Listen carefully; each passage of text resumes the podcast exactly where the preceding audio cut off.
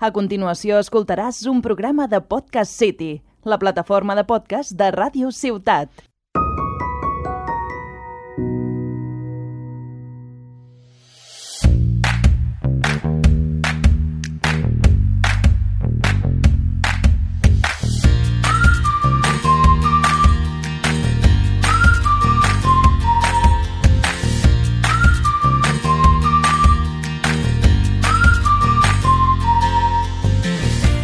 Benvinguts i benvingudes a Última Ronda, el programa on descobrireu els millors jocs de taula i els trucs per guanyar-los.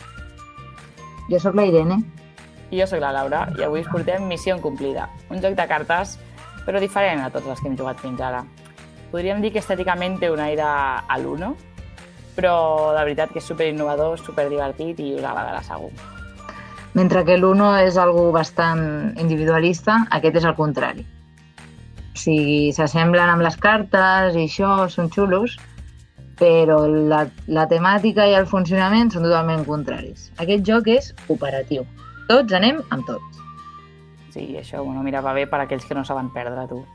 Perquè o tots contra el joc, o el joc ens guanya, o guanyem el joc nosaltres. La veritat és que sí. És una bona opció, és una bona opció. No ho havia pensat. Bueno, i aquest joc va de la mà d'altres, com són el Missió Secreta i un que bueno, té temàtica així ambientada en el país, ai, el, el país, anava a dir, en el planeta Mart, i que són de la mateixa eh, línia i tenen característiques similars, però bueno, que si us agrada aquest, podem investigar-los i també explicar-los.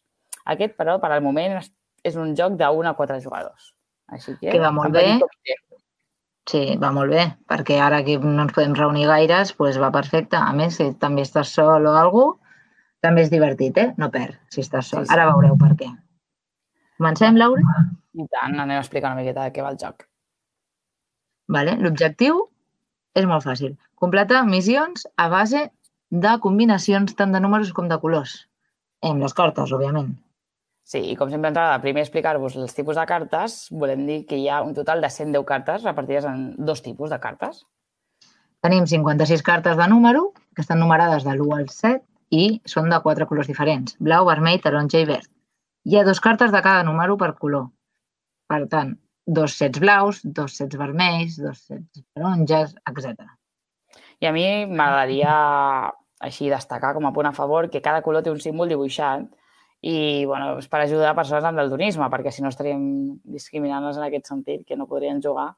I em sembla com molt bé no? que hagin pensat en això també i que cada color té el seu simbolet i així que poden jugar també perfectament. I a part d'aquestes, que ha explicat la Irene, hi ha 54 cartes de missió. Aquestes estableixen condicions que has de complir amb, amb les altres cartes que hi ha a la taula. Poso un exemple perquè s'entengui. Una carta de missió et pot dir totes les cartes són imparell o les cartes blaves sumen 3. Per tant, tu amb les cartes de número has d'intentar, eh, bueno, ho, ho has de fer perquè si no, no guanyes, que aquestes afirmacions siguin veritat. Però que, bueno, que ara ho entendrem millor amb la mecànica del joc. Per entendre la mecànica, farem primer la preparació. La preparació del joc és molt fàcil. Són quatre cartes per cada jugador, les quals es poden mirar, i quatre cartes de números a la taula, boca dalt, i quatre números i quatre cartes de missions a la taula també boca dalt. Nosaltres les col·loquem com si fossin un rectangle, però això va per Sí. gustos. Les de números al costat de, de les de missió, bàsicament. I com hem dit, no, l'objectiu és anar complint aquestes missions i per tal, tu al teu torn fes col·locar una carta de número de les que tens a la mà sobre alguna de les que es trobin a la taula. Però, clar, hem de vigilar per què, Irene? Perquè només pots tirar una carta quan aquesta coincideix en número o en color amb les que estan a la taula. Amb això Per volem dir exemple. que si tu tens una carta vermella, tiraràs un, a on hi hagi vermell. Si tu tens un 2, tiraràs on hi hagi un 2 o vermell en aquest cas si és un 2 vermell. Sí, però qui, com triem quina tirem? És a dir, no em refereixo a quines podem tirar, sinó com triem quina volem tirar, no? Doncs tirem les, de, les que ens puguin ajudar a complir les missions. Així de senzill. Vale, doncs jo crec que queda claríssim, no? Però bueno, vaig a ficar un exemple per si a cas. Sí, el que ens referim és que si a la taula tenim la missió que hem dit al principi, per exemple, que totes les cartes són imparells, però hi ha una carta amb un número 4 taronja que ens impedeix, és a dir, hi ha tres imparells, però un 4 taronja que no pinta res. i jo tinc a la mà, imagineu, un 1 taronja. Doncs és el moment perfecte per tirar-la en aquella pila, perquè recordem, puc tirar-la perquè són del mateix color, i fer, per tant, que totes les de taula siguin parells. I així hem comprat la missió. És important remarcar que tu sempre has de tenir quatre cartes a la mà. Per tant, si tires, robes una de la, de la pila de cartes que s'obrin, que estiguin damunt la taula boca baix. I després, passa el mateix amb les missions. Si tu compleixes una missió, bueno, compliu en general perquè és un joc d'equip. Compliu una missió, aquesta missió es descarta i es fica a una pila de missions complides i es fica una nova de les missions que encara estan boca baix sense descobrir. Sí, també cal puntualitzar que només podem llançar una carta, només. És a dir, només hem de triar quina volem perquè només al nostre torn només podem llançar una i tant si complim la missió amb la carta que hem llançat com si no, el torn passa al següent jugador. Sí, Però, sí com sabem... també, també hi ha la possibilitat, Laura, de que no us pugui tirar. Si no es Això... pot tirar, passem. Sí, sí. Podem, passem directament i l'altre jugador. Ara, que bé, si cap dels que hi ha a la taula eh, pot tirar, s'acaba el joc i hem perdut. Bueno, sí. hem perdut si no hem arribat a les missions, perquè aquest és un altre tema i que crec que és el moment perfecte per explicar-lo, els punts i com es guanya, perquè hem dit que sí, hem de complir missions, però fins quan? Però el joc s'acaba quan s'acaben les cartes de número. I com sabem si hem guanyat o no? Doncs a la mateixa caixa hi ha una, del joc, hi ha una taula on et diu, depèn dels jugadors que siguis, eh, quantes missions has de complir per, haver, per guanyar, per considerar guanyar. Primer haurem de triar quin modo volem jugar, perquè hi ha principiante, normal, experto, locura. I per cada un d'aquests hem d'assolir X missions. Posem un exemple. Si som dos o tres jugadors jugant, eh, per, per assolir la dificultat principal de principiante, eh, hem de fer 15 missions, per al normal 18, per l'expert 21 i per ja el locura, que és, el, que, és que ja ets un vamos, superjugador, eh, s'han de fer 24 missions. Si fas això, guanyes. Si fas menys de les que t'havies marcat o de les que hi ha, perds. Eh que sí, Dani? Sí, també us hem de dir que un cop ja l'heu jugat dos o tres cops, el de principiante seria una columna que jo eliminaria, perquè ja haureu de fer més. Sí, i a més és important recalcar, sobretot, després ja i per acabar aquest, aquest apartat de mm, mecànica del joc, que tots anem a guanyar. És un joc cooperatiu, com ha dit la Irene abans. Però això no ens permet, i a més és que ho especifica les instruccions, intercanviar informació de les cartes que tenim a la mà amb els altres jugadors. Sempre podem parlar de les cartes que hi hagi sobre la taula, tant de missions com de, de números. Que era un truc. és veritat. I la Irene us acaba d'adelantar un dels trucs que teníem preparats. Però, bueno, eh, totalment d'acord. Podem parlar de les de la taula, el que passa és que no podem parlar de les que tenim a la mà. Mm. I així acabaríem el joc. Quan s'acaba el joc, eh, contem quantes eh, missions hem complert i sabrem si l'hem passat tots junts o no. I tenim alguna anècdota avui, Irene? Mm, doncs no, la veritat és que al ser un joc tan nou, bueno, que nosaltres l'hem adquirit tan, tan fa poc temps, mm. doncs, doncs no, no ha donat temps. Però sí que hem de dir que és superaddictiu, com crec que ja ho hem repetit algun cop, i que nosaltres algun cop hem començat a jugar a les 11 de la nit o, o a les 10 fins i tot i hem acabat a les 2 del matí, perquè és que al final no vols parar de superar-te. I si una fase arribes a 24, que és l'expert prec, Després voldràs fer 25, només per intentar superar encara més el joc. Sí, sí, cada cop vols més. Però bueno, aquesta seria la nostra mini anècdota ja el pròxim dia, si no, i, i n'explicarem o que els nostres oients ens posin a l'Instagram, no?, les seves anècdotes sí. Sí, i així sí. les completarem. Però bueno, jo crec que és hora d'explicar els trucs, no, Irene?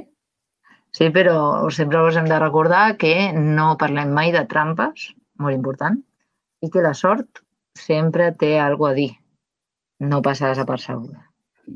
Doncs comencem.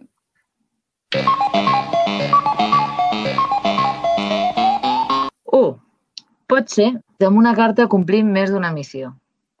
Sí, per tant, hem de sempre mm, estar atents a totes les missions, és a dir, les quatre que hi ha a la taula, perquè pot ser que amb una carta eh, doncs, eh, doncs puguem fer dues de les missions i, per tant, hem d'intentar utilitzar aquesta abans que les altres.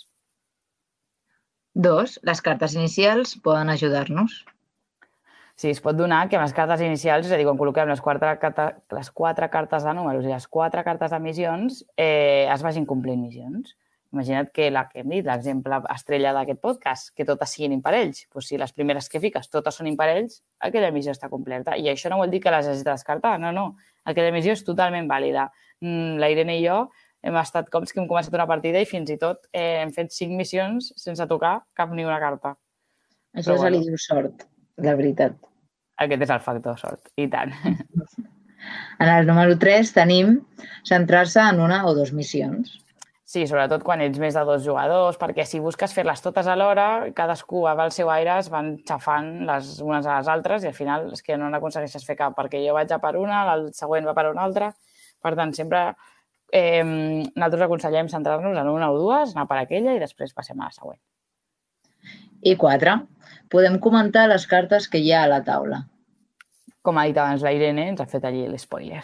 Els jugadors eh, podem eh, comentar tot allò que estigui en taula, és a dir, no el que tinguem a la mà. Podem dir, mira, aquesta missió la puc fer, o aquesta carta no la toquis perquè m'ajudarà a fer l'altra missió. I així, doncs, ajudar-nos a, a guanyar el joc, tots junts, repetim. I fins aquí els trucs d'avui. sí, Eh, sí. com heu vist, és un joc ideal per, bueno, per passar una estona, per donar-li també el coco, perquè això a vegades va bé, i, i a part és petitet i ens el podem emportar on vulguem. Sí, per, jo crec que mira, és ideal per sobre taules, per viatges, bueno, sempre tenint en compte que són màxim quatre jugadors, però bueno, és que és, a més és molt, és molt ràpid perquè crec que dura uns, com uns 20 minuts, així Màxim. que és, sí, és rapidíssim. I les mecàniques heu vist que són senzilles i superdivertides, així que jugueu, la veritat és que no us decepcionarà. I abans de marxar, us volem presentar el joc de la setmana que ve, bueno, el següent programa perquè no sabem quan sortirà. Que és bastant poc conegut a Espanya perquè hem investigat la Laura i jo, però la veritat és que val molt la pena. Estem parlant del Parade, o Parade, Parade, Parade, no, Laura? bueno, per ell, perquè de moment no es coneix molt allà als Estats Units, aquí no ho sabem, però eh, potser li diem parada aquí. Mira, tu. Però és que a mi aquest joc m'encanta perquè té unes il·lustracions xulíssimes. No vull Sí. fer gaire spoiler, però Bueno, són d'un d'un món que tots coneixem i que potser al següent programa us deixem l'oportunitat de, de... sí, no? De Podríem fer com un joc. A Sí. veure qui l'adivina primer, abans de que l'expliquem. per Instagram, així que ja sapigueu, seguiu-nos a Última Ronda Podcast i ficarem el post d'aquest joc i a veure qui sap de, quin, de, de què són aquestes il·lustracions que estem parlant. Però bueno, fins aquí el Doncs podcast d'avui Moltes gràcies per escoltar-nos. Som la Laura i la Irene. i fins aviat.